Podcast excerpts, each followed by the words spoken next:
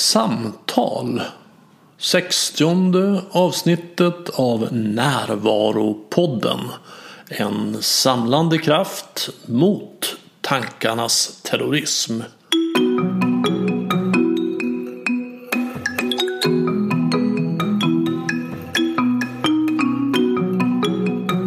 Det här är Bengt Renander och idag ska vi prata om ett av de viktigaste användningsområdena för närvaro. Nämligen till att samtala.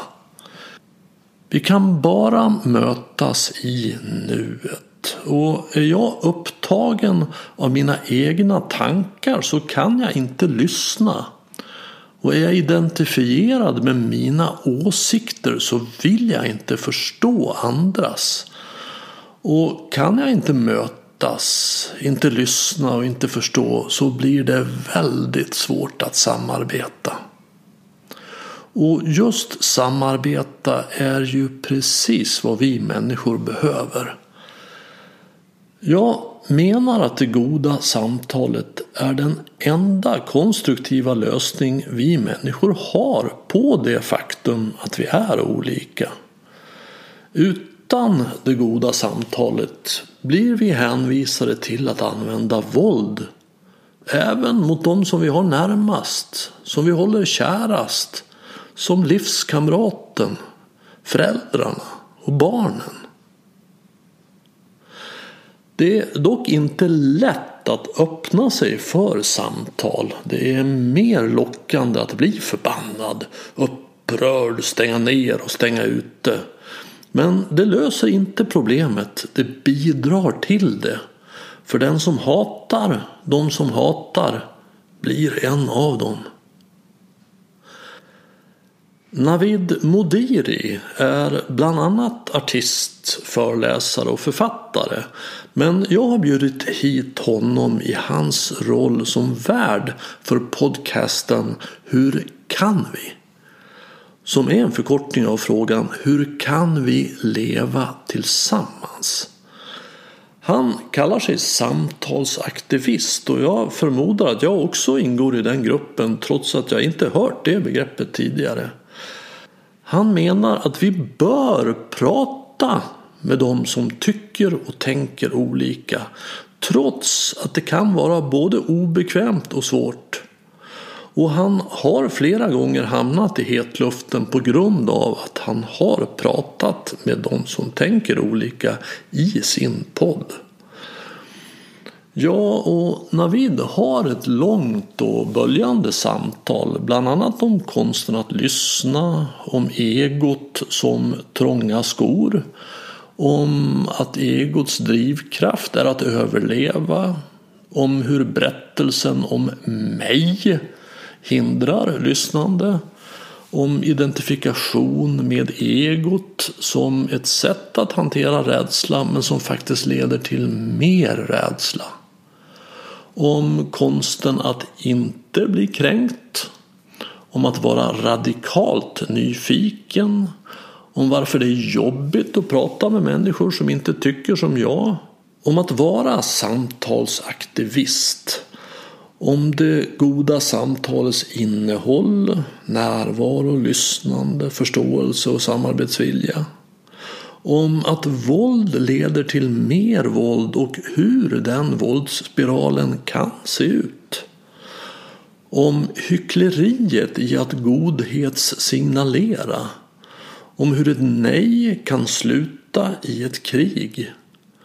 Om att se vilddjuret i sig om samtal mellan män, om olika samtalsverktyg och om man verkligen bör ha samtal med alla.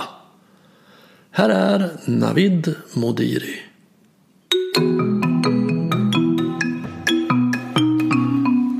Jag har ju sedan åtta år tillbaka jobbat med samtal som metod. Och anledningen till att jag började var att jag blev frustrerad över ett videoklipp.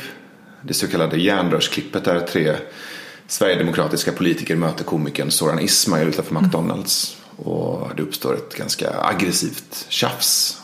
Och sen så sprider sig det aggressiva tjafset ut i kommentarsfält och ledarsidor. Och det bråket stannar inte i videoklippet utan sprider sig över hela Sverige. Och det var första gången jag la märke till eh, den här splittrande och ganska så aggressiva polariseringen. Eh, och den har säkert funnits innan dess eh, med all säkerhet. Men det var då den blev uppenbar för mig. Jag tror att det kan ha berott på att jag just hade blivit pappa. Och det spelade stor roll för mig vilket land min dotter skulle växa upp i.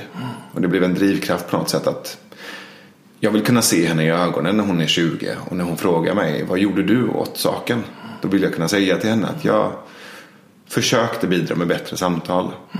Och någonstans är det där det började för mig att om vi inte ens kan prata med varandra så kan vi inte leva tillsammans. Mm. Så utan samtal, inget samarbete. Utan samarbete, inget samhälle. Mm.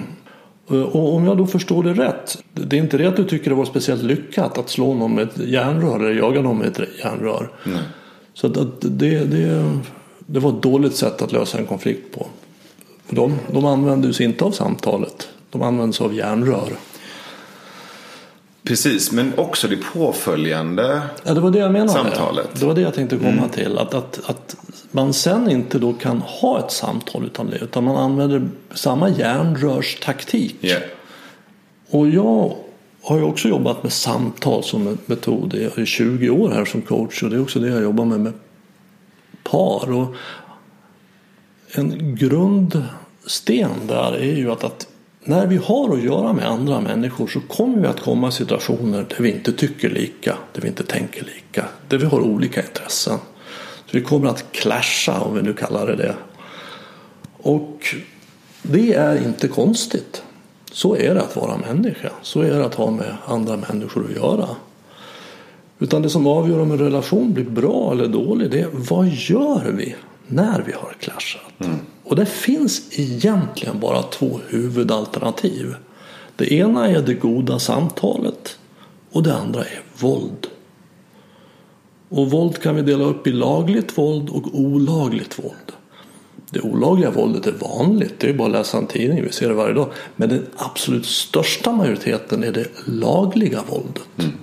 Skrika, eh, vara ironisk, yeah. kritisk, yeah. sarkastisk, stänga ner, stänga av, stänga ute, sura. Jag tycker ju det är värre. Ja. Men det kan också vara så att jag talar utifrån egenskap att vara man. Mm. Jag tycker att fysiskt våld är mycket lättare att hantera. Mm. Mm. Jag tycker att det uttalade hatet mm. från en nazist som säger du är en svartskalle, jag vill inte se dig. Mm. Det tycker inte jag är så svårt att hantera. Nej. Däremot, precis det du beskriver, den mm. passiva aggressiviteten, ironin, sarkasmen, mm. tystnaden, mm. utestängandet. Det är riktigt obehagligt. Ja, det är ett väldigt kraftfullt våld. Mm. Och det är ju på ytan så syns det inte. Nej. Det ser inte ut som våld. Men när vi tittar vad det egentligen är så är det oerhört våldsamt. Mm. Stänga ute någon. Och precis som du säger det kan ju vara så att man skulle vore bättre att få en örfil och så var det över. Absolut. Än att gå i den här tystnaden. Yeah. Dag efter dag, vecka efter vecka. Det är väl inte det att vi vill säga att, att, att fysiskt våld är bättre än psykiskt. Men att, att vi vill säga att, att psykiskt våld är också väldigt våldsamt. Absolut. Och våld föder mer våld. Mm. Så att när du är förbannad då blir jag sur. När jag är sur blir du kritisk och då blir jag ironisk och då blir du sarkastisk och då blir jag irriterad. Och yeah. Så är vi på väg ner i en våldsspiral mm. som leder till separation mellan oss människor. Mm. Så att våld är ett väldigt allvarligt och djupt dysfunktionellt sätt att hantera när vi klaschar, när våra intressen är i konflikt. Yeah. Och ändå är det det vi lär ut och det vi praktiserar i vårt samhälle. Mm. Vi är oerhört våldsamma, mycket mer våldsamma än vad vi föreställer oss normalt. Absolut. Ja.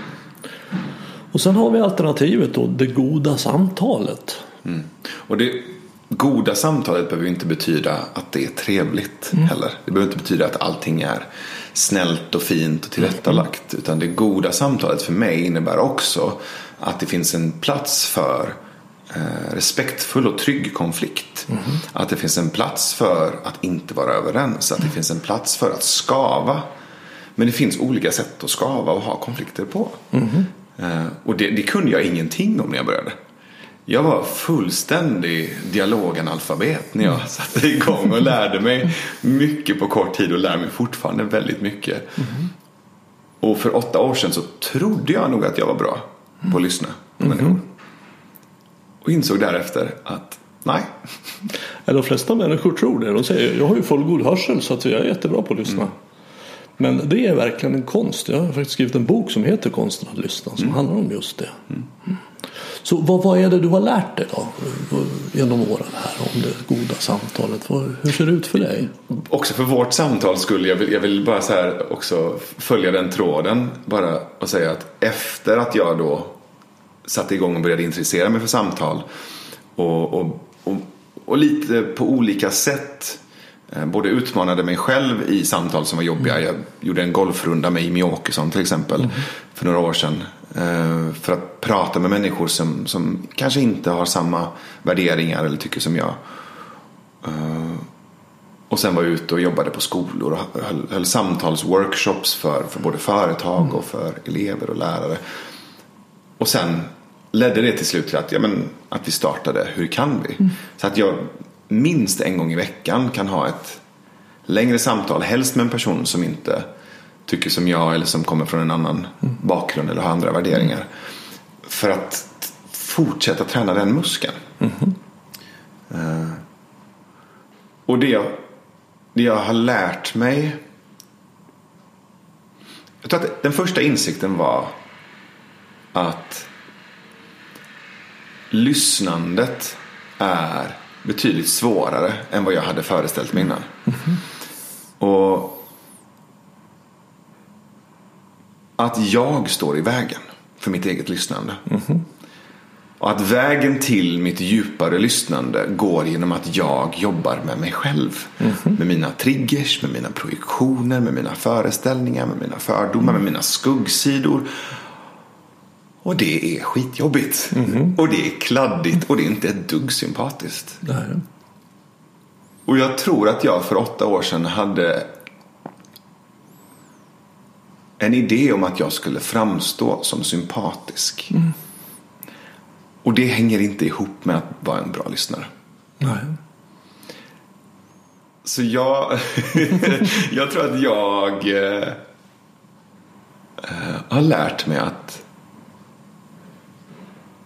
bjuda in mina egna mindre sympatiska sidor. Och på så sätt blivit bättre på att lyssna på andra människor som, som triggar mig. Så det hänger ihop för mig. Ja, nej, jag, jag delar den erfarenheten.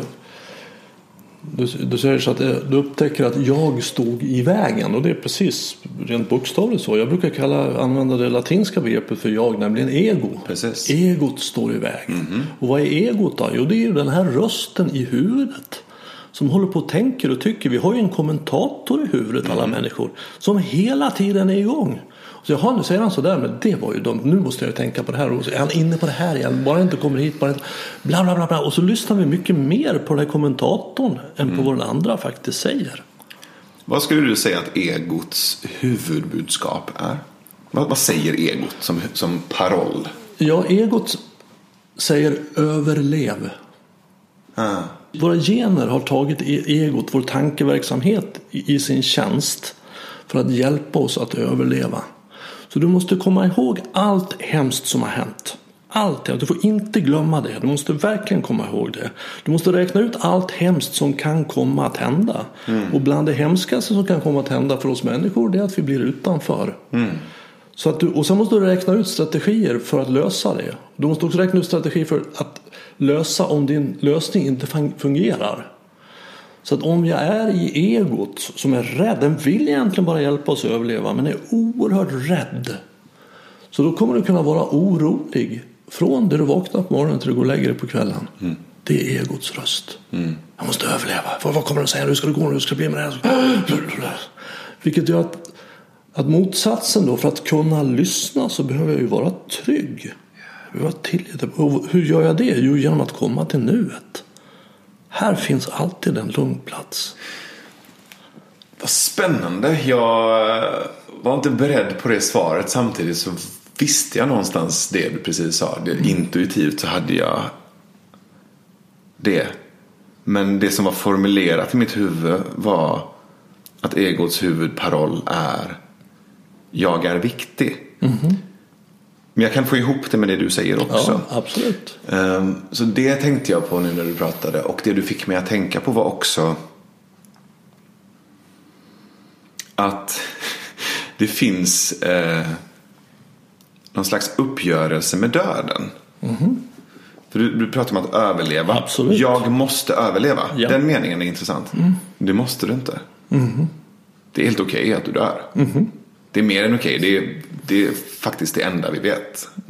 Så jag måste överleva är inte sant.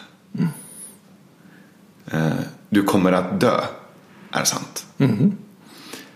Jag kommer att tänka på ett samtal som jag hade med min vän Björn Nattiko Lindeblad. Som jag hade en podd tillsammans med. Och som är en väldigt klok eh, storebror. Och han, han säger att det finns en, en, en friskhet i att tänka på döden varje dag.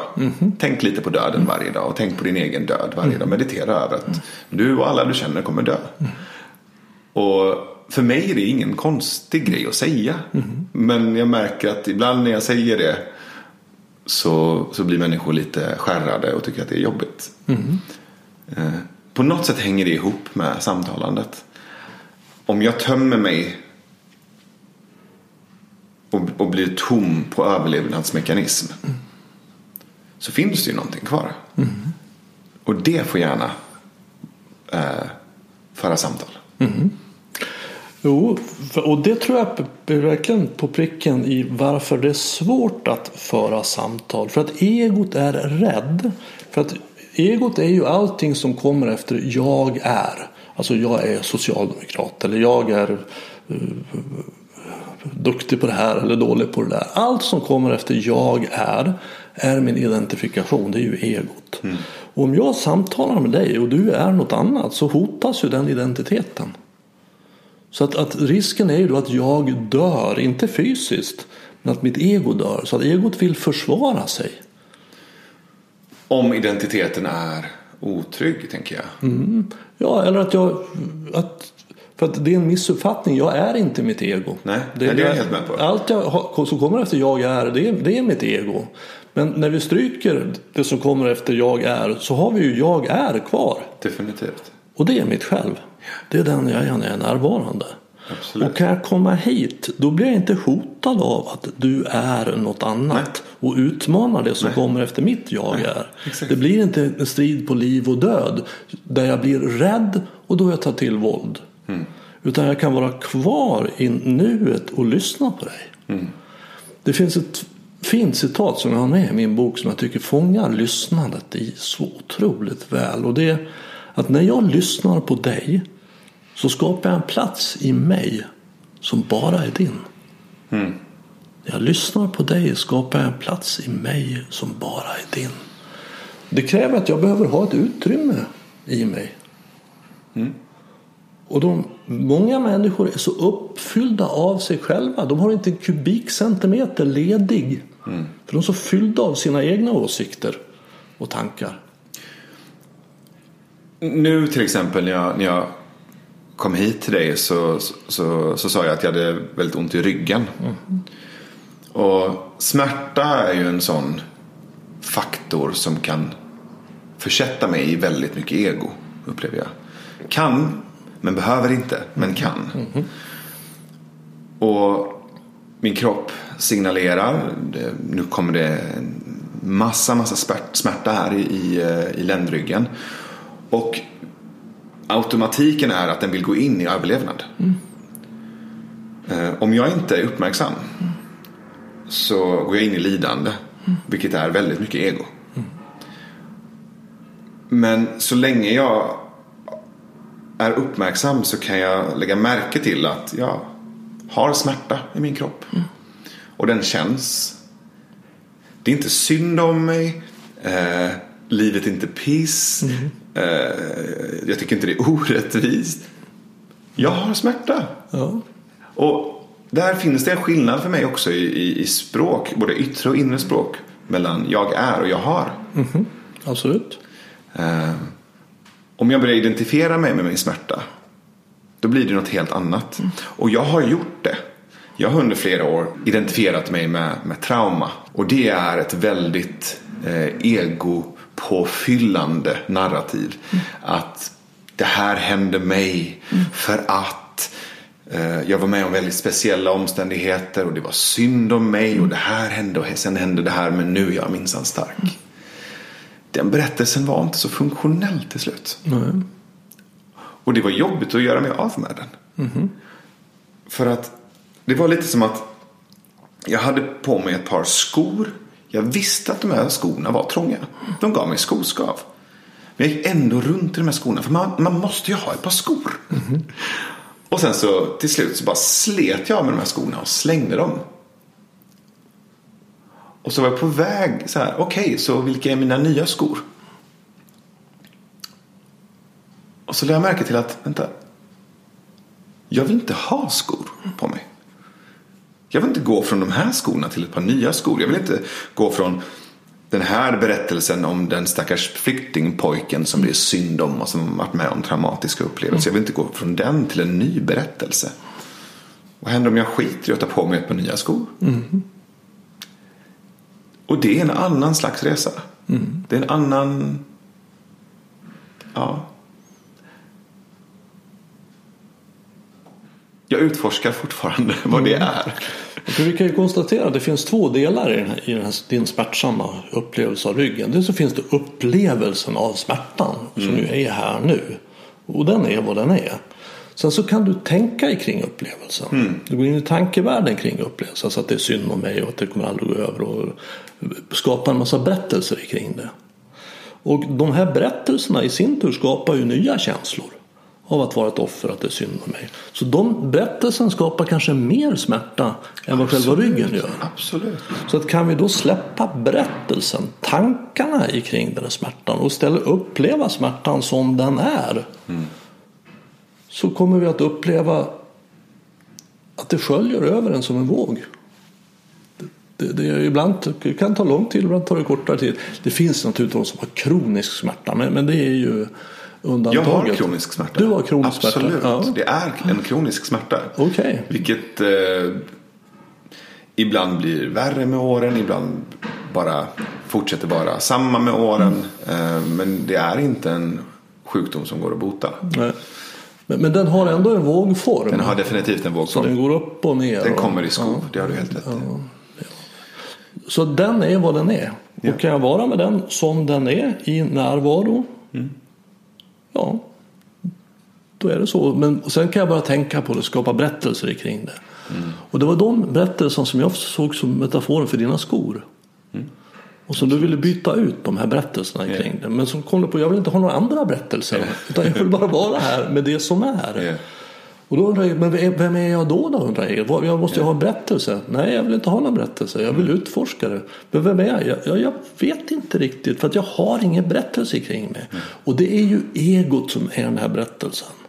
Och kan jag släppa min berättelse om mig så blir jag ju väldigt mycket bättre på att lyssna. För då har inte en berättelse att försvara, en identitet att försvara som du kan hota att döda med dina argument. För du tycker annorlunda och tänker annorlunda. Vi har ju så otroligt svårt att acceptera att människor tänker och tycker annorlunda. Vad kommer det sig?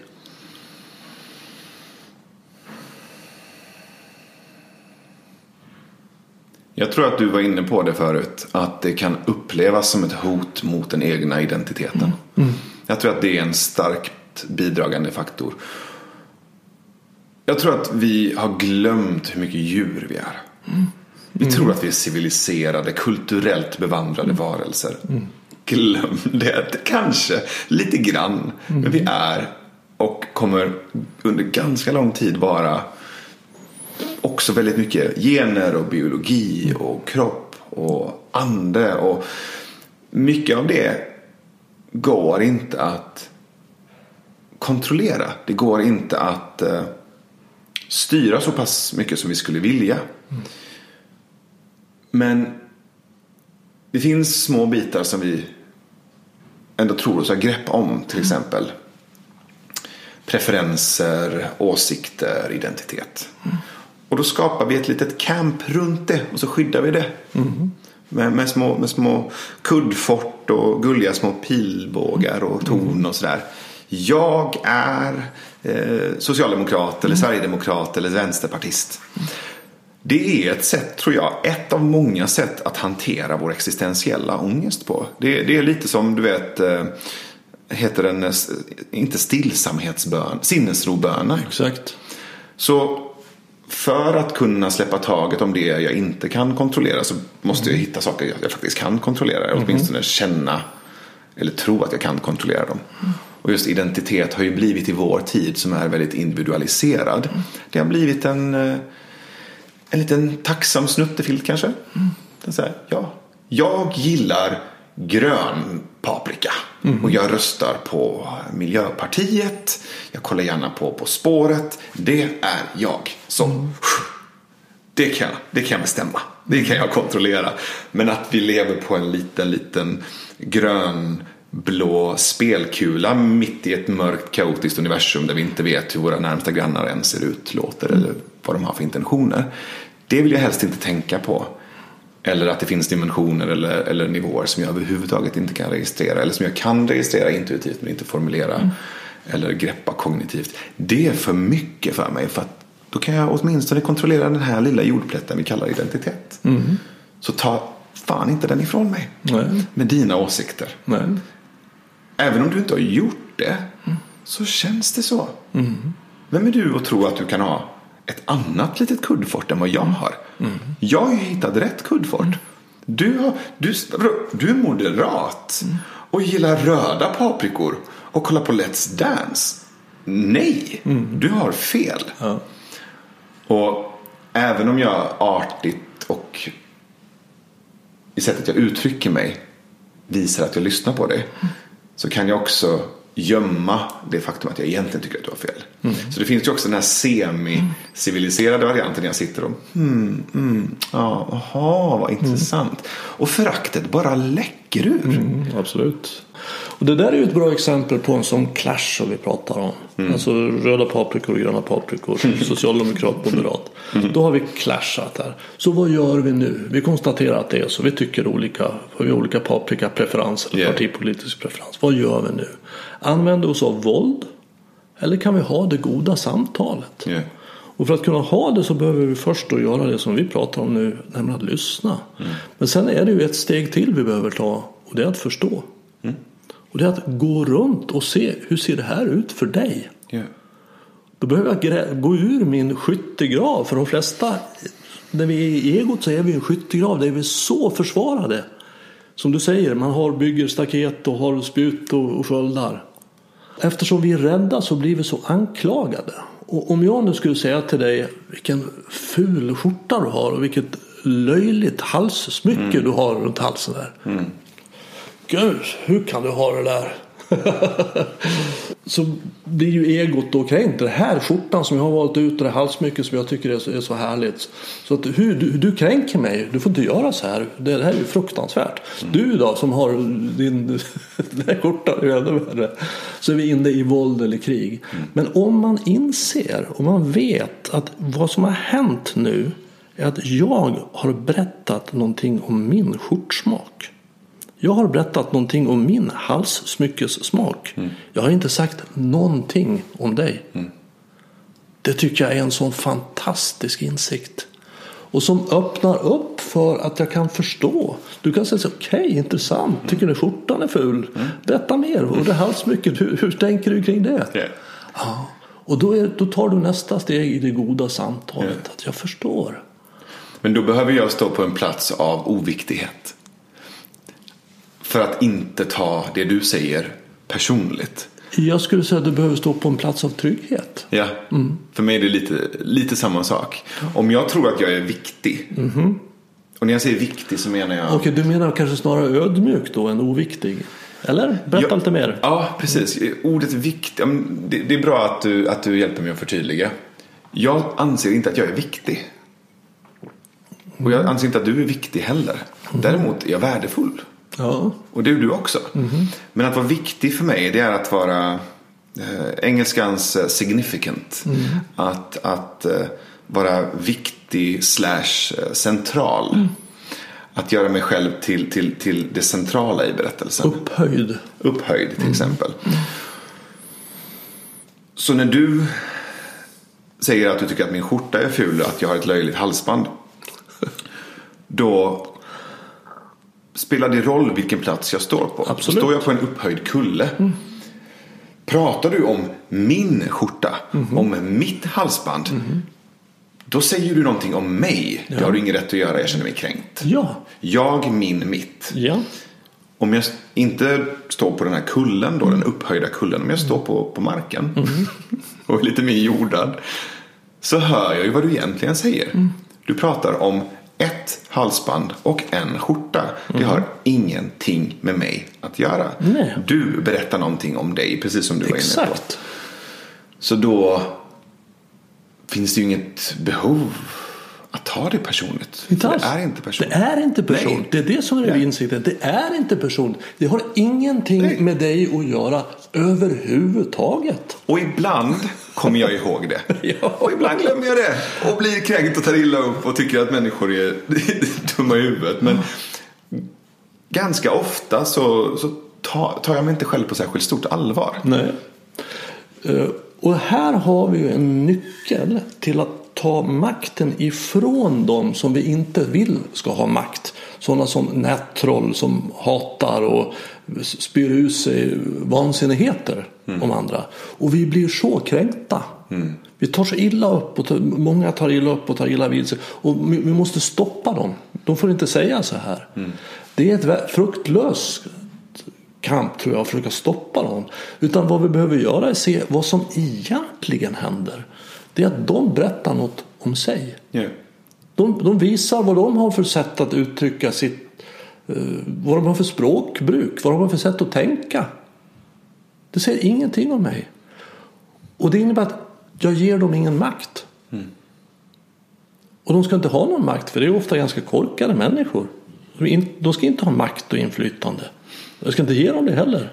Jag tror också att det finns mycket ensamhet och smärta i det där. Och någonstans så... Om du lär dig att varje gång jag välter en vas så kommer mamma och pappa titta på mig. Och tror att det är samma sak som kärlek. För det är enda gången de tittar på dig. Så kommer du i vuxen ålder också välta vaser.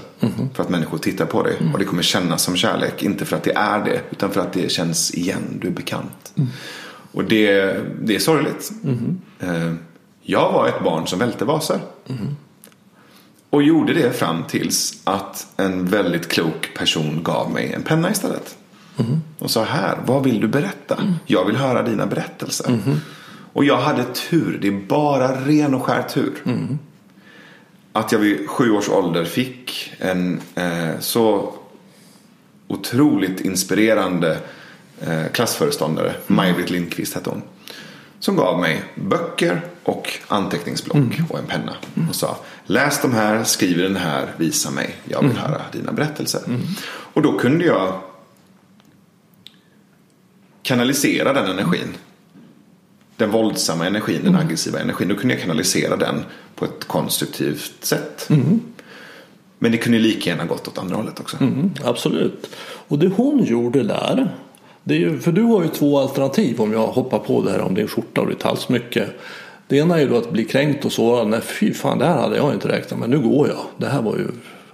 Och ett annat sätt är ju då att säga intressant. Berätta mer. Vad är det du ser? Och det var ju vad din lärare gjorde. Hon sa intressant. Hon såg dig välta vaser. Hon sa berätta mer.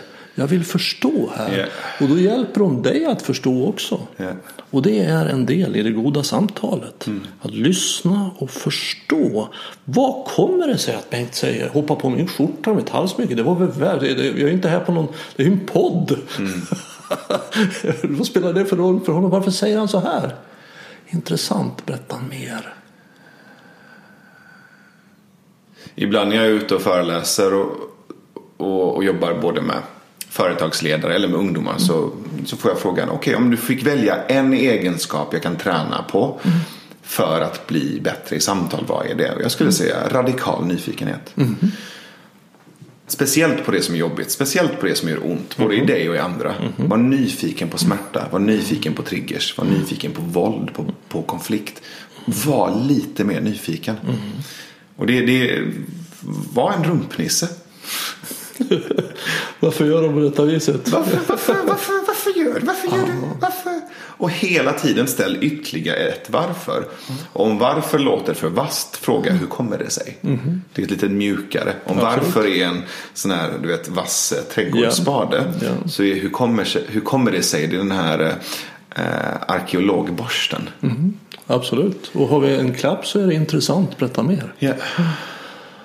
Och det, det här kräver ju då att jag behöver ha, ha en, en ganska stor självinsikt. För att vad vi, jag kände en gång en, en kvinna som delade in mänskligheten i goda och onda människor.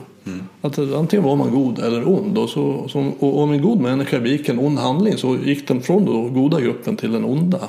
Det fanns inget annat. Men vad vi behöver göra är ju att påminna oss om romaren Terentius ord att jag är människa.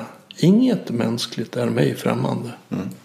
Så att allting en annan människa kunde ha gjort, tänkt, sagt, skulle jag ha gjort om jag vore i motsvarande situation. Absolut. Det finns en liten Breivik i dig också. Ja, absolut.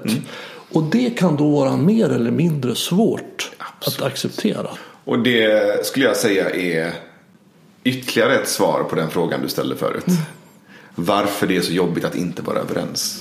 För en liten stund sedan så frågade du Just det. Just det. Så den andra anledningen, eller en annan anledning till varför det kan upplevas som skavigt, jobbigt, utmanande att prata med människor som inte tycker som jag. Det är att jag ser spegelskärvor av mitt eget pussel som jag inte har lagt än. Och de är främmande. Det är, för att testa en annan metafor, det är de där rummen inuti mig som jag har låst och inte går in i. Kanske till och med stängt av värmen i för att spara på energin i hela huset. Och inte låtsas att de finns. Ja. Och då och då så, så kanske jag till och med öppnar och slänger in någonting och stänger igen. Så det är ju helt kaotiskt och ostädat också. Vilket gör att jag vet att den dagen jag öppnar det här rummet så kommer det inte bli jättetrevligt. Om jag till exempel går runt ett helt liv och inte möter min egen ilska. Eller lär känna min egen ilska. Eller gå in i ilskerummet. Då kommer det rummet vara rätt så skoningslöst. När jag väl öppnar det. Det betyder också att när jag träffar människor som uttrycker ilska. Så kommer jag kanske tycka att de är idioter. Eller vara rädd för dem. Eller undvika dem. För att jag, jag har inte öppnat det rummet till mig själv. Så då triggar de den delen i mig som jag inte har jobbat med eller fördjupat. Och enda sättet för mig eh, att komma in i det rummet det är att våga prata med de människorna. Enda sättet för mig att våga prata med de människorna det är att våga gå in i det rummet. Så det inre och det yttre häng, hänger, hänger ihop. Eh, och det har jag ju erfarit väldigt mycket nu under tiden som jag har poddat i Hur kan vi? För jag har träffat så otroligt många olika typer av människor. Så jag har mött så många olika sidor av mig själv som jag inte har kanske mött innan. Och det är ju väldigt lärorikt och smärtsamt och expansivt. Så det du säger att, att det jag har svårt att acceptera hos mig själv får jag också svårt att acceptera hos andra. Absolut. Ja. Säger jag trevande tvärsäkert. Ja, så att, att ha en god självinsikt och kunna acceptera mig som jag är gör det lättare för mig att säga till dig berätta mer, få höra. Ja. Hur, hur tänker du? Hur? Ja. ja, du har ju mött, hur många avsnitt har du gjort av din podd? Vad kan det vara? 150-200? Ja, någonstans där. Någonstans. Två år är det nu. Ja. Jag tror nästan exakt två år. Och, och där möter du människor som är kontroversiella kan man säga. Bland annat. Ja, bland annat. Inte bara. Nej. Det är också viktigt att säga att det är inte en podd som går ut på att vara kontroversiell. Det är en podd som går ut på att prata med alla människor. Utan att censurera eller neka någon samtal. Det betyder att den blir kontroversiell. För den inkluderar också de som är kontroversiella. Och oftast är det det vi får kritik för. Eller kanske det som uppmärksammas. Men vi har ju också gjort väldigt eh, okontroversiella samtal som har fått enormt mycket kärlek. Och, och som människor älskar att lyssna på. Syftet med podden är att genom radikalt nyfikna och modiga och sårbara samtal utforska vad det är att vara människa. Det är hela den, den, den kärnan i visionen med hur kan vi? Och hur kan vi kommer från frågan hur kan vi leva tillsammans? Eh, och då behöver vi titta på de ämnena som är jobbiga att prata om. Och möta de människorna vi tycker är kontroversiella att prata med. Eh, och lyfta på stenarna. Och visa våra triggers. Och gå in i de rummen med högt buret huvud och kanske lika högt buret hjärta. Och det är inte lätt. Det är inte trevligt hela tiden. Nej. Det är mänskligt. Ja, och då nödvändigt att ha samtal. För jag, jag hade en motsvarande upplevelse som du. Jag är äldre än vad du är. Som du hade den här med järnrörsaffären eller vad jag ska kalla den. Och, och det var när eh, Bert Karlsson och Ian Wachtmeister blev invalda i riksdagen. Det minns jag. Och det är, en, det, ska, det är precis efter valet. De ska in i en tv-studio. Och där sitter Bengt Westerberg som vägrar att ta dem i hand och går ut. 91. Jag vet inte vilket år det kan Där vara. någonstans? Ja, någonstans där kanske. Ja, det minns jag. Ja, han tar dem inte i handen utan går ut. Och det är ju då en, en våldshandling naturligtvis. Och, och för mig, och jag röstade inte på dem så det är inte det att jag blev, det var inte mitt ego som blev uppbyggd. Men just över att, att kanske i den plats där vi verkligen behöver ha det goda samtalet i riksdagen. Att lyssna på varandra, se hur tänker du, hur tänker ni och förstå och, och komma fram till det tredje delen i det goda samtalet, nämligen samarbete. Så okej, hur gör vi med det här? Vi tycker olika, vi tänker, så hur löser vi det? För vi behöver lösa det, för vi är olika vi människor, tänker olika, tycker olika. Så vi behöver göra överenskommelser med varandra. Dessutom så betalar vi Bengt Westerberg och andra riksdagsledamöter för att samarbeta. Ja, Så vi betalar hans lön. Så det är hans jobb att komma överens. Ja. Vare sig han gillar det eller inte. Ja. Nu kanske jag låter lite hård. Men det är, det, det, det är snarare välj att tolka det som rakhet och fasthet. Här vill jag verkligen sätta ner foten och säga att sitter du i riksdagen så är det ditt jobb att samarbeta och hitta vägar förbi ditt ego. För det handlar absolut inte om dig. nej exakt. Och att jag behöver samarbeta med människor som tycker olika. Absolut. Alltså det ligger ju själva i demokratins natur. Definitivt. Att vi som tycker olika formar partier och sen behöver vi samtala för att hitta lösningar. Definitivt. Stänger vi ner samtalets möjlighet så har vi bara våld kvar. Absolut. Och våld leder till mer våld. Och det är en mycket farlig väg. Ja, definitivt. När låser du dig? När blir du så triggad att du inte kan lyssna? Det är ju rädsla som låser mig. Det, Ja. det, det är ju ingen tvekan om. Så det är bara att bara titta vad, vad man är rädd för. Och, och, Finns det någon specifik situation eller typ av person? Du behöver inte namedroppa en specifik person. Men finns det någon typ av person eller personlighet som triggar dig lite extra som gör att det blir svårt att lyssna? Alltså, det är ju, ju närmare det kommer mitt hjärta desto svårare. Desto räddare är jag och desto svårare blir det att lyssna. Alltså när det kommer in till kärleksrelation, nära, vänner, barn. Där är det som svårast. Ja. I en sån här situation så, så vet jag inte vad du skulle kunna säga till mig som, som skulle få mig att, att, att liksom gå in i reaktion. Så, Nej, nu stänger vi ner här. Nu, mm. nu får du inte vara kvar. En familj är svårt. Ja, det är det. Jag tror att ju närmare det kommer, ju närmare kommer hjärtat, sårbarheten, mm. desto svårare blir det att lyssna. Så det blir ju lite motsatt. Alltså där vi, skulle, där vi behöver det som mest är vår förmåga att göra det som minst. Hur är det för dig? Vad, vad är du? Ja, men definitivt familj. Mm. Mm. Jag gör mina största misstag kommunikativt med familj, vänner, partner. Och sen sociala medier. Mm. Jag kan gå in i affekt ibland. Mm. Och var ganska rå. Mm. Uh, och sen i efterhand kan jag känna, ah, ja det där var ju onödigt. Mm. Men jag vill inte heller ta bort det. Mm. För jag vill inte sopa undan heller. Mm. Så hellre att låta det vara kvar och sen säga någonting om det eller kommentera det eller be om ursäkt. Um, jag kan vara lite stolt ibland.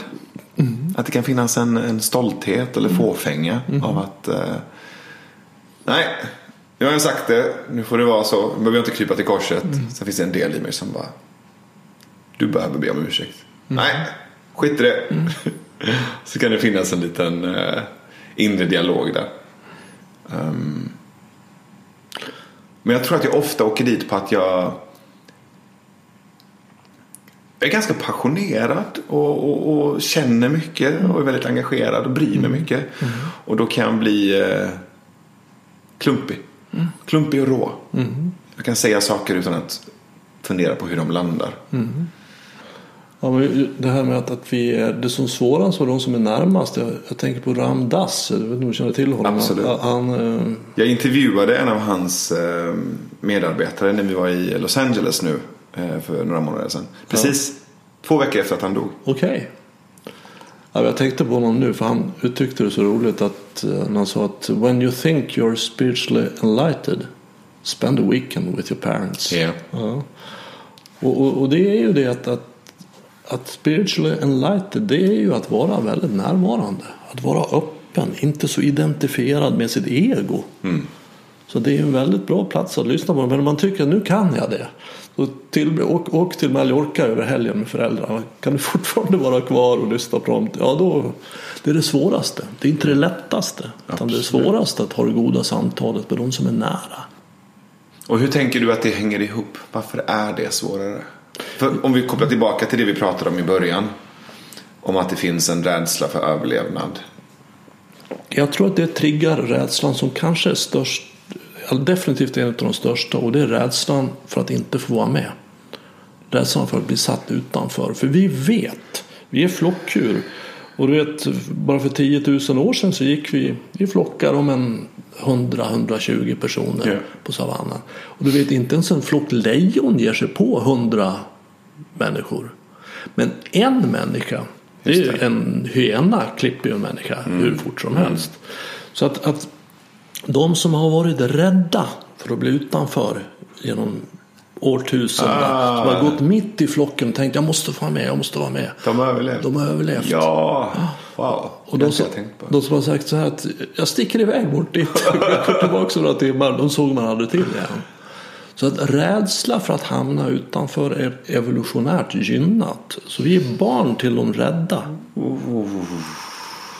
Och det, det är ju dessutom bokstavligt talat sant fram till för möjligen 100, möjligen 200 år sedan. Att om man inte fick vara med i byn, då ja. dog man. Och 200 år i evolutionärt perspektiv är ju ingenting. Det är ingenting. 10 000 år är ingenting Nej. i evolutionärt perspektiv. Så att vi, vi är oerhört rädda för att bli satta utanför. Och det här använder vi mot varandra. Bör man prata med vem som helst? Hur tänker du kring det? Det har jag ingen åsikt om. Nej. Jag har ingen åsikt om vad någon annan bör eller inte bör Nej. göra. Jag Hur tänker du då? Det. Ja. Jag vill prata med vem som helst. Ja. Inte med vem som helst som i att jag tycker att det är intressant eller relevant att prata med exakt vem som helst. Men jag tänker inte neka ett samtal på grund av rädsla. Det är min intention. Sen kanske jag gör det någon gång. Men min intention är att inte låta rädsla stå i vägen för att samtala med människor. Jag vill kunna prata med alla sorters människor. Och jag vill gärna göra det i podden så att andra kan se mig prata med alla sorters människor. Så att de också vågar ta samtal som de kanske inte vågar ta med de som tycker annorlunda än de själva. Och jag vill visa också att jag, att jag ibland halkar dit och blir triggad och säger saker som inte är eh, lämpliga. Men att jag kan studsa tillbaka från det och lära mig. Så jag vill också bjuda på resan och processen. Ehm, nu, nu, nu finns det ytterligare en handfull personer som jag tycker är väldigt triggande. Som jag tycker är provocerande. Som jag känner att det här kommer bli jobbigt. Och självklart bjuder jag in dem till podden. Eh, och det vill jag fortsätta göra.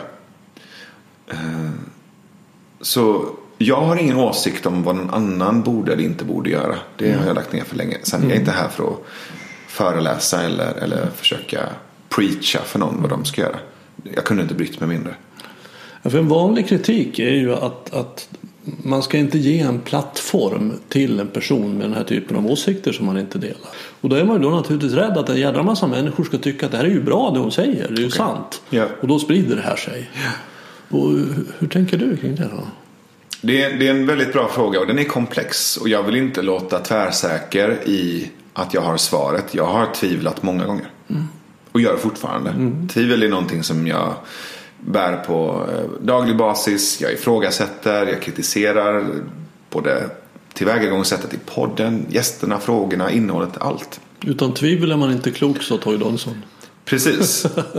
Men för mycket tvivel kan också stå i vägen för handlingskraft. Jag testar hellre. Jag ber hellre om ursäkt än om lov.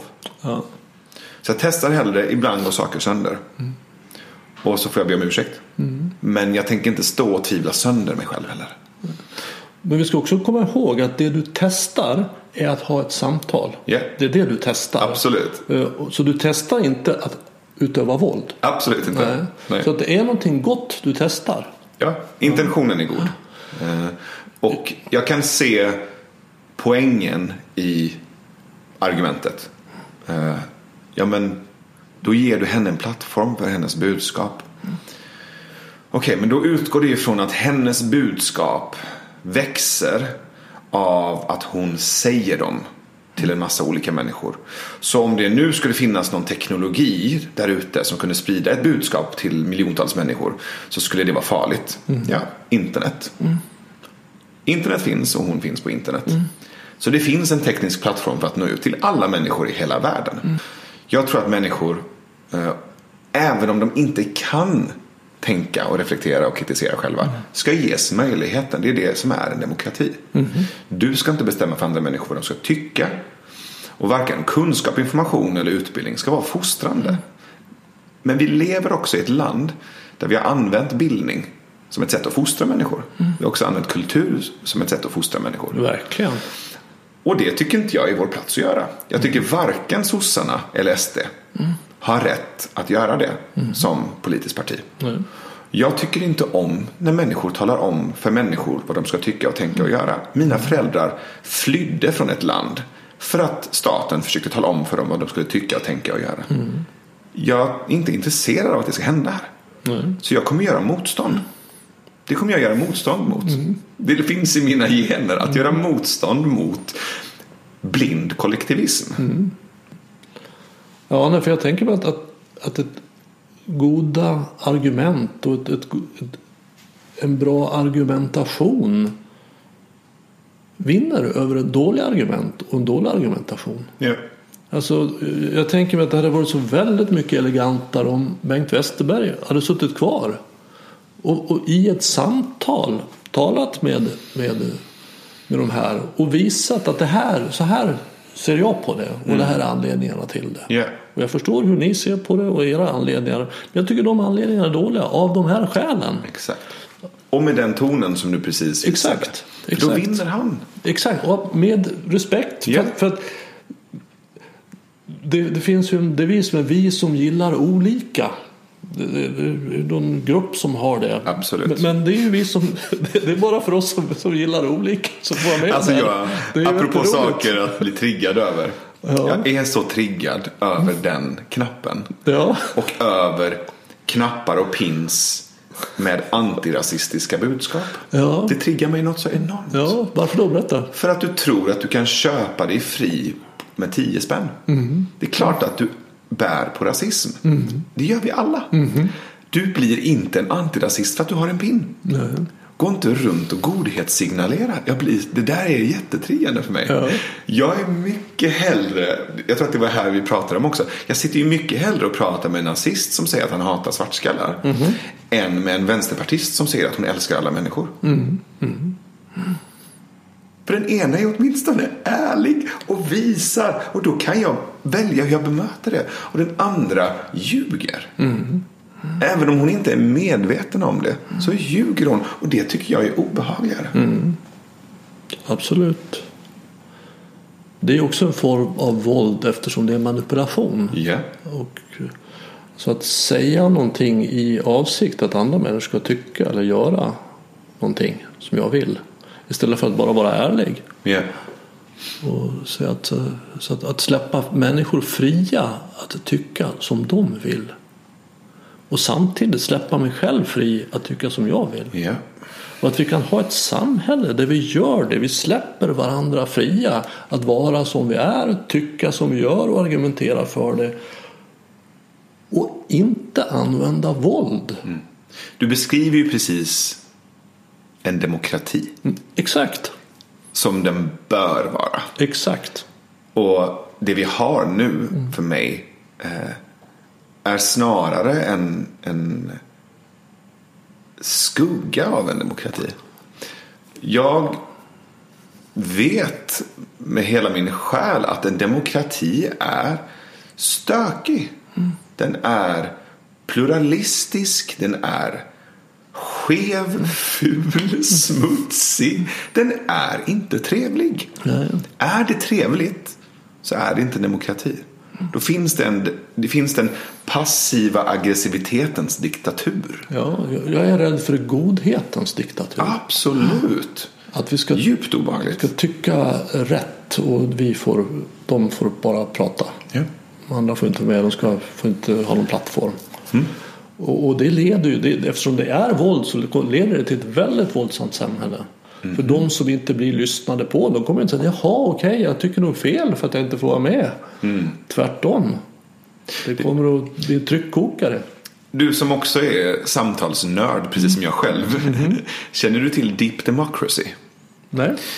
Eh, men vad fint, men då får jag tipsa dig om det. Det är en Ja. eh, sydafrikansk kvinna eh, som heter Myrna Lewis. Som Okej. i det här laget kanske är eh, runt eh, 80.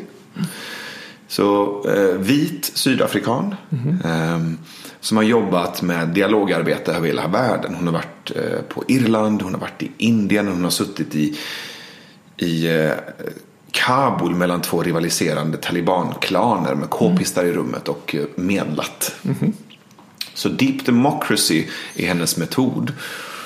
Och jag var på en workshop med henne när hon var i Sverige för några år sedan och fick, fick eh, ja, nöjet att få bara vara i samma rum som den här kvinnan. Du vet, en sån där person som kommer in och allt förändras. Magnetisk, minst sagt. Och jag tror att hon, hon stod upp och körde i 14 timmar. Vi var ju helt slut efter sju såklart, men hon bara körde på. Hon hade så mycket energi. Och Deep Democracy, det begreppet och den metoden innebär att våga gå djupare i den demokratiska processen och fråga de som säger nej och de som inte vill och de som gör motstånd vad de behöver. Inte bara gå på, som hon kallar det, majoritetens förtryck. För att är vi 100 personer som ska gå på bio och 51 personer väljer film så innebär det ju att 49 personer kommer att vara missnöjda. Det i förlängningen är inte bra. Om du då applicerar det på ett samhälle, du har 10 miljoner människor. Om vi leker med tanken att alla får rösta. 51% röstar på ett parti och 49% på ett annat. Så betyder det att majoriteten har vunnit. Det betyder att 49 procent, alltså 4,9 miljoner människor absolut inte vill att det partiet ska styra. Titta på USA. Exakt. Man brukar kalla demokrati för majoritetens diktatur. Precis. Och det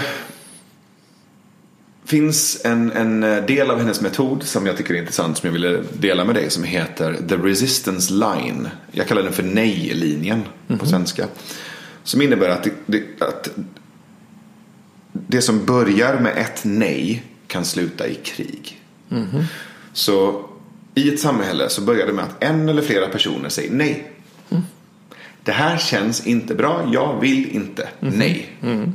Om du inte lyssnar på det nejet så går det vidare på den här linjen. Om du tar det från vänster till höger för dig som lyssnar. Så går det från första nejet som är längst till vänster. Om du inte lyssnar på det nejet så går det ett snäpp till höger. Till nästa punkt på linjen. Då säger personerna nej igen. Om du inte lyssnar på det nejet så eh, uteblir de. Så frånvaro är den andra punkten. Först nej och sen frånvaro. Vilket är ett förstärkt nej. Om du fortfarande inte lyssnar på dem så går de från frånvaro till myteri. De struntar i hela ditt system, ergo de går inte och röstar. Om du fortfarande inte lyssnar på det nejet så väljer de en ny ledare. Ta Jimmy Åkesson som exempel. Om du fortfarande inte lyssnar på den här gruppen och på deras nya ledare så börjar de snacka skit om dig. Om du fortfarande inte lyssnar på dem med sin nya ledare och när de snackar skit om dig så kommer de börja förstöra för dig. Och om du fortfarande inte lyssnar på dem när de börjar förstöra för dig så kommer de skapa separation. De kommer bygga ett parallellsamhälle. Och om du inte lyssnar på det nejet så blir det krig. Och det finns så många tillfällen längs den här linjen där du kan säga vänta lite, vi gjorde fel. Vi borde ha lyssnat. Lyssnat betyder inte hålla med dem, men vi borde ha lyssnat. Och jag undrar hur långt vi ska gå på den här linjen i Sverige innan vi på riktigt börjar lyssna på de människorna. Ja. Det var en väldigt fin och tydlig beskrivning av vad jag kallar för våldsspiralen. Exakt. Så det, vi, vi går, när vi tillämpar våld så föder det mer våld och det leder just till de effekter som du nu berättar om. Jag tycker inte Sverigedemokraterna har en särskilt intressant, relevant eller sympatisk politisk agenda. Nej. Jag tycker den är supertråkig. Det är ett nationalistiskt sosseparti. Supertråkigt. Jag vill ju varken att Stefan Löfven eller Jimmy Åkesson ska berätta för mig vad svenskhet är eller vad kultur är. Vi definierar, du och jag, vi folket, vi definierar vad svenskhet är. Och det förändras hela tiden. Och vi definierar vad kultur är. Och det, och det omdefinieras hela tiden. Det ska inte politiker ha med att göra. De ska förvalta våra skattepengar. Och de ska lägga det på det som gör att vi kan ha ett stabilt samarbete och samhälle. För vi ska ju komma ihåg att de här som inte lyssnar på nejet Ja. i början, de har en god vilja. Absolut. Och när man drivs av en god vilja så behöver man vara speciellt uppmärksam för att vägen till helvetet är stensatt av välvilja. Vägen till helvetet är stensatt av välvilja. Jag vill bara väl. Det är en väldigt farlig position. För, Oh. för vad vet jag om ditt väl? Oh, jag inte helt säker på att det stämmer. Och jag har inte tänkt igenom det här så nu provpratar jag bara. Jag tror inte det är av välvilja. Jag tror att människor säger att det är av välvilja. För det är mer sympatiskt. Ja. Att säga jag vill väl, jag vill ditt bästa. Ja, Istället för att säga, vet du vad? Jag är en passivt aggressiv, manipulerande, triggeromedveten, projektionsblind person. som borde ta itu med mitt eget inre innan jag projicerar min skit på dig. Aha! ja, det var... Det är inte så sympatiskt att säga. Nej, jag förstår. Det var, det var en nivå under. Ja, det, det kanske är sant. Om vi har det som är under isberget. Ja, exakt. Det, det vi ser ovanför isberget är ändå att jag vill väl och därför kan vi inte lyssna på dig. Ja. Och, och jag vill väl därför så, så måste vi utestänga er. Ja. Ni får inte vara inflytande här. Därför kan jag inte ta er i hand. Jag kan inte lyssna på er. Ha en debatt med er. Släppa in er. Det är för min välvilja. Men när jag ser då att min välvilja antingen då tittar under isberget och hittar det som du så målande redovisar. Eller att jag ser att jag, jag, jag vill fortfarande väl men min väg till, till det goda leder till det onda. Absolut. Och även vilken människa säger jag vill väl? Alla. Alla. Och sen finns det de som kan förstå det faktum att jag vet inte vad som är väl för dig. Nej, eller för exakt, oss. exakt. Det är det som är grejen. Men den som konstant säger men jag ville bara väl, jag ville bara väl, jag ville bara väl. Det kommunicerar också en viss ignorans. Och kanske arrogans till och med. Exakt. Jag har inte bett om din välvilja. Nej. Eller att du ska peka ut vad som är gott eller väl. För jag- någon annan än dig själv. Du behöver fråga mig. Vi, för vi är olika. Tycker olika, tänker olika. Och det behöver vi lära oss att hantera. Absolut. Och hellre i så fall att lägga fokus på det. Än att gå runt och berätta för andra vad de ska göra och vad som är väl för dem. Då, då, då har jag mycket mer respekt för dig om du bara berättar var du står någonstans. Vad du tycker och tänker. Och dela både din fulhet och din finhet. Bo- Både dina skavanker och dina framgångar. Jag har mycket mer respekt för, för människor som, som vågar ställa sitt mörker i skyltfönstret bredvid sitt ljus. Och säga jag är det här också. Än människor som är moraliserande eller, eller dikterar välvilja för andra. Jag tycker det är svårt att förhålla mig till sådana människor. Men vad vi får göra är väl att lyssna på dem. Absolut. Och se om vi kan förstå dem. exakt, exakt. Definitivt. Och, och där finns ju en sweet spot för mig så att säga. Där, för, där, för det kan jag gå igång på lite. Ja. Och Men då är, då är ju du på den positionen där de är. Ja. Och ibland är jag där. Ja, absolut. Vi Men jag, men jag upplever att det är lärorikt att sitta i mina egna triggers. Absolut. Och, och, och vara där med sådana personer. Kanske jag själv har godhetssignalerande tendenser. Det kan, kan vara så. Det Kanske tror, en jag, spegling. det tror jag ligger väldigt djupt i oss att, vi vill vi vill framstå som, som goda. Mm. Och att det finns en sorts det, jag säger är på något vis resultanten av en massa avvägningar i mig om bra och dåligt och gott, ont och gott och funktionellt och dysfunktionellt. Så att, eh, det finns ju ingen som, ingen som säger att jag är en ond dysfunktionell person och vill illa. Ibland är jag ond och dysfunktionell och ibland vill jag fan illa också. Men inte som identitet. Men det finns en, för dig en god anledning till det. Du har ändå i dig en, det finns en anledning till det för dig som ändå verkar vettig att göra nu ont och illa.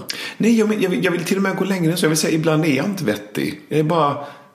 Jag tycker det är okej att erkänna att det finns okonstruktiv ondska i oss också. Som inte alls är funktionell. Jag säger inte att jag är den. Jag har den. Ja, jag förstår. Den finns inom mig. Eh, och det gör jag bara för att så här... Du vet, pysa ut den transparensen. Ja, jag förstår. Det är bra. Alltså att, att komma ihåg att, att vi människor är, är världens i särklass farligaste djur. Det finns ingen som dödar så lätt av, så utan anledning som vi. Så vi är väldigt farliga. Det är bra att komma ihåg.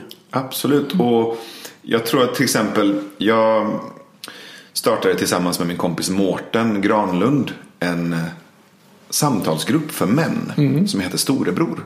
Och du är jättevälkommen att vara med någon gång bara för att känna av klimatet där. Eh, Det, vi- började göra var att vi, vi bjöd in eh, män i alla åldrar till en digital manscirkel. Som heter Storebror och som vi har eh, varje torsdag 11.30 till 12.45. Eh, finns på storebror.org. Och ibland så sätter vi in extra insatta kvällssamtal för de männen som inte kan på dagarna men också samtalen är fulla. Det, kommer, det ramlar in så många. Så vi behöver sätta in vissa veckor extra samtal. Och där pratar vi väldigt mycket om det här att eh, håll koll på ditt mörker. Håll koll på ditt våld, på dina aggressioner och på ditt djur. Du behöver lära känna det vilda i dig, det mörka i dig och det våldsamma i dig. Annars så styr det dig. Och det är ganska ovanligt för många av oss. För vi har uppfostrats till att bli civiliserade, artiga, eh, politiskt korrekta. Och det är inte dåligt. På något sätt. Jag älskar att vara en gentleman. Men för att kunna vara det på riktigt så behöver jag ha koll på mitt djur. Absolut. Annars är jag inte en gentleman. Nej. Och, och, det, och det, det kräver träning. Och det Verkligen. kan till en början vara ett rum som kan vara läskigt att gå in i. För att vi har tryckt undan, tryckt undan, tryckt undan så länge. Och det tror jag vi gör på kollektiv nivå också. Ja, för vi lär oss att upprätthålla ett sken av normalitet. Vi lär oss att gå runt och verka normala. Ja, Det det är den sociala präglingen. ja. Men sen visar det sig att när vi tittar inåt i vår ensamhet att jag är ju allt annat än normal. Det finns så mycket i mig som inte får komma ut. Ja. Och jag tycker det är så fint det du säger att, att, att män får träffas och prata. Det är väldigt få forum för det. ja. Jag har själv varit med i några sådana grupper genom åren och det är väldigt värdefullt. Och vissa forum som finns idag eh, har jag en del kritik mot. Och det var därför vi startade det här, jag och Mårten. För att jag tycker att efter metoo och efter det stora samtalet som till stor del fortfarande pågår. Så dök det upp olika initiativ för att bjuda in män till samtal. För att ta mer ansvar, för att eh, växa upp, för att mogna. Vilket jag tycker som intention är fantastiskt. Men flera av de här samtalsgrupperna, flera av de här forumen handlar om att trycka undan din maskulinitet och bli mer feminin. Och det köper inte jag. Nej. Jag älskar att bjuda in det feminina, alltså den feminina aspekten. Jag har vuxit upp i en familj och i en släkt med otroligt starka kvinnor. Jag älskar att, att bejaka de sidorna hos mig själv. Men för att kunna göra det behöver jag också bejaka de maskulina sidorna, hos, sidorna hos mig själv. Och inte trycka undan dem. För när jag trycker undan det maskulina i mig då blir det farligt. Och då hjälper det inte eh, hur mjuk eller omsorgsfull eller, eller, eller eh, feminin jag kan vara eller luta mig emot. Jag trycker undan en stor del av mig själv. Och det är farligt. Eh, och det upplever jag att flera av de här initiativen eh, handlar om att eh, avmaskulinifiera män. På ett sätt som jag inte tror är konstruktivt, som jag tror det är direkt kontraproduktivt. Eh, Så vi försöker bjuda in båda aspekterna. Ja. Både det maskulina och det feminina. Ja, att vi ibland är väldigt mjuka och sårbara och socialt relaterade och omsorgsfulla. Eh, omvårdande. Men också väldigt raka. Väldigt tydliga, väldigt rätt fram. Och så hittar vi någonting där de här sidorna får gifta sig med varandra. Ja, det är ju som det taoistiska tecknet yin yang, de är i balans. Precis. För vi har ju oerhört svårt att hantera att vi kan vara jämlika och olika. Vi tror att vi måste vara lika för att vara jämlika. Då tänker jag kanske i synnerhet på män kvinnor. Men det blir ju väldigt, väldigt tråkigt om inte annat.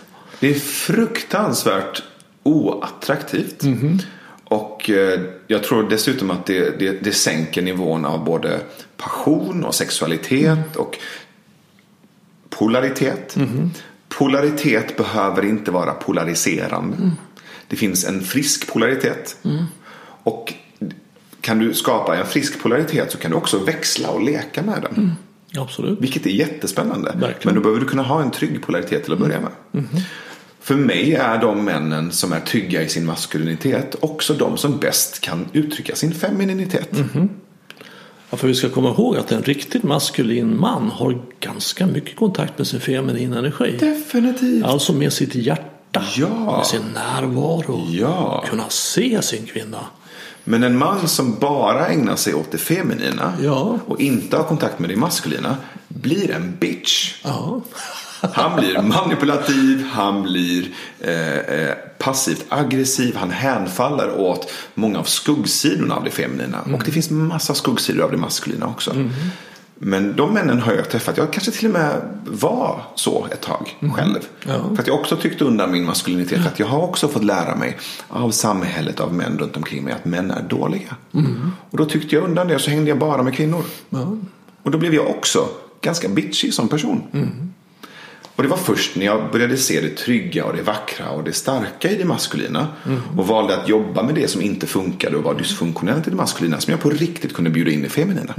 Och det blir som du precis beskriver. Det blir det både taoistiska men också i, i det alkemiska giftermålet som man pratar om. Där polariteterna inte, jag gillar inte ordet balans. Men där polariteterna gifter sig. Det blir en helhet. Och så är det som harmoni. Mycket, mycket bättre. Eh, Men jag gillar också disharmoni. Ja. För ingenting i naturen eller det runt omkring oss är ju i konstant harmoni. För då är det ju dött. ja.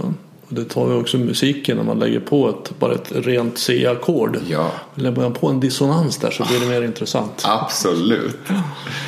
Okej, ja, det här är också ett väldigt spännande ämne som jag också pratar mycket om och intresserar mig för. För det handlar också om det här med olikhet. Att vi får vara olika och vi kan mötas i respekt, i samtal, i öppenhet. Ja. Istället för att använda våld. Ja. Definitivt. Och jag tror att det finns någonting eh, i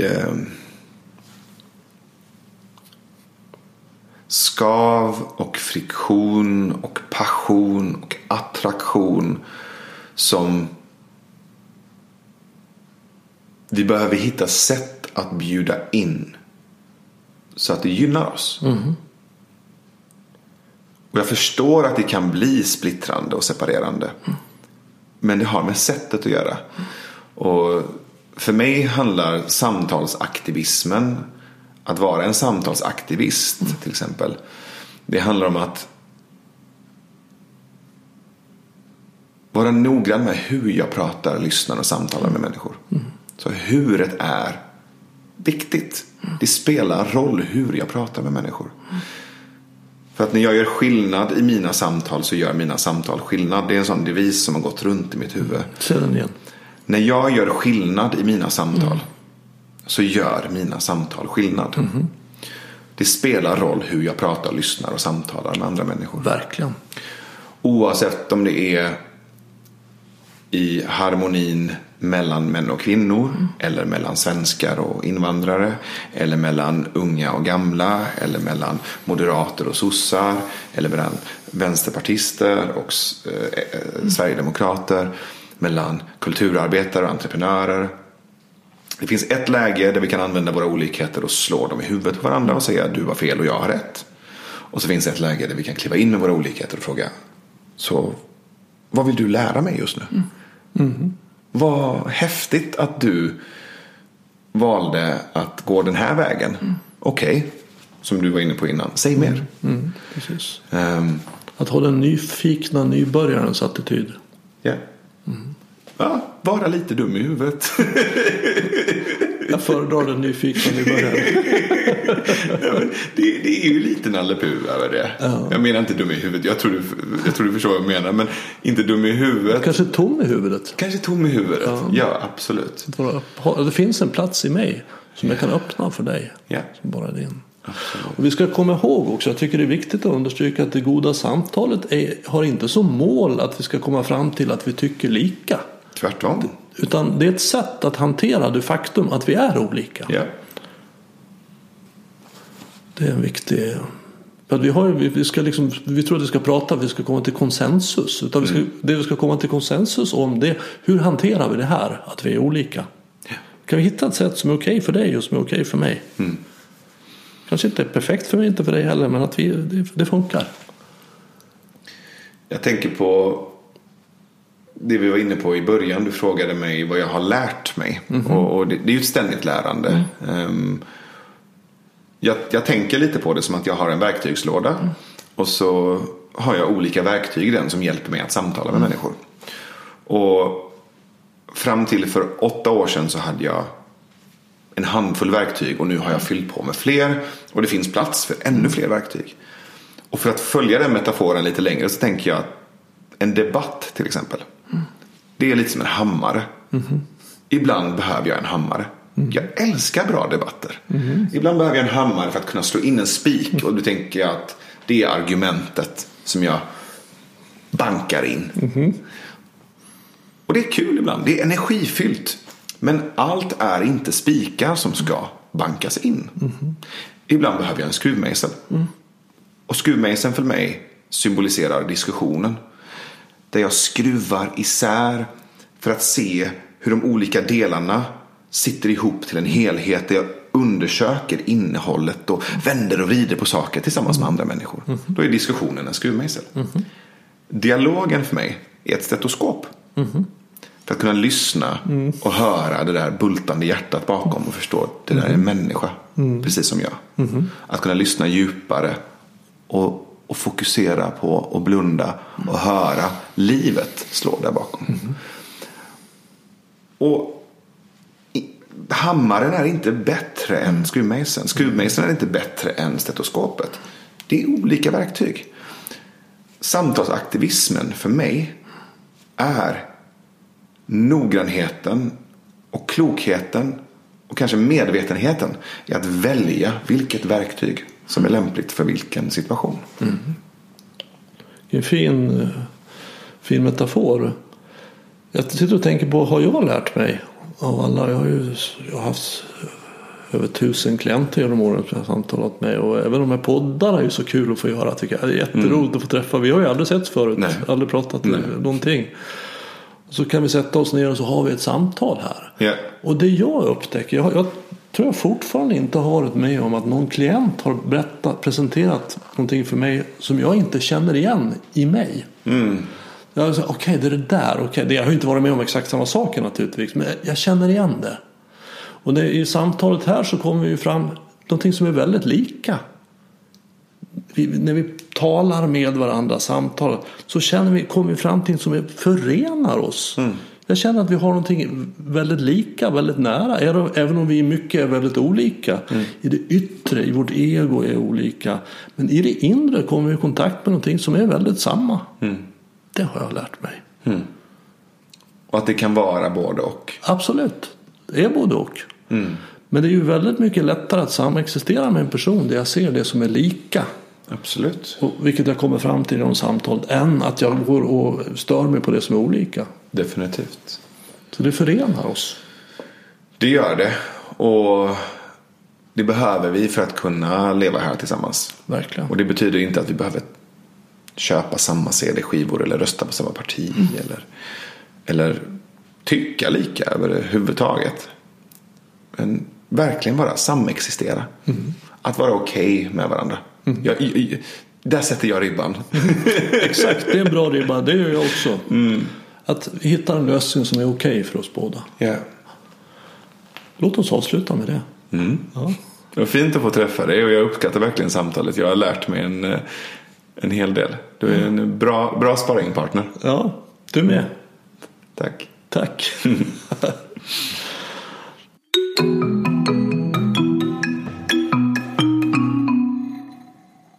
du vill veta mer om Navids arbete eller komma i kontakt med honom så finns en länk till hans hemsida i anslutning till det här avsnittet på min hemsida renander.nu. Där finns också en länk till hans podd Hur kan vi? Jag gör den här podden för att sprida kunskap om hur medvetenhet och närvaro kan hjälpa oss att sluta terrorisera oss själva med tankar. Om du vill stödja podden, hjälp till att sprida den genom att tipsa om den till vänner och bekanta. Det är också hjälpsamt om du betygsätter och skriver kommentarer på iTunes. Vill du veta mer om vägen mot mer medvetenhet och närvaro? Köp min senaste bok Stoppa tankarnas terrorism. Boken har fått många positiva omdömen som tydlig, klar, enkel, väldigt användbar. Och att du dessutom stödjer mig i det här arbetet är en positiv bieffekt. Enklast köper du den via hemsidan renander.nu och jag signerar den gärna om du vill. Har du något ämne eller person som du tycker skulle passa här i Närvaropodden tveka inte att kontakta mig och enklast gör du det via kontaktformuläret på hemsidan. Desto fler vi är som är vakna i verkligheten ju mer kan vi ju förändra den på riktigt. På återhörande och du, Var uppmärksam.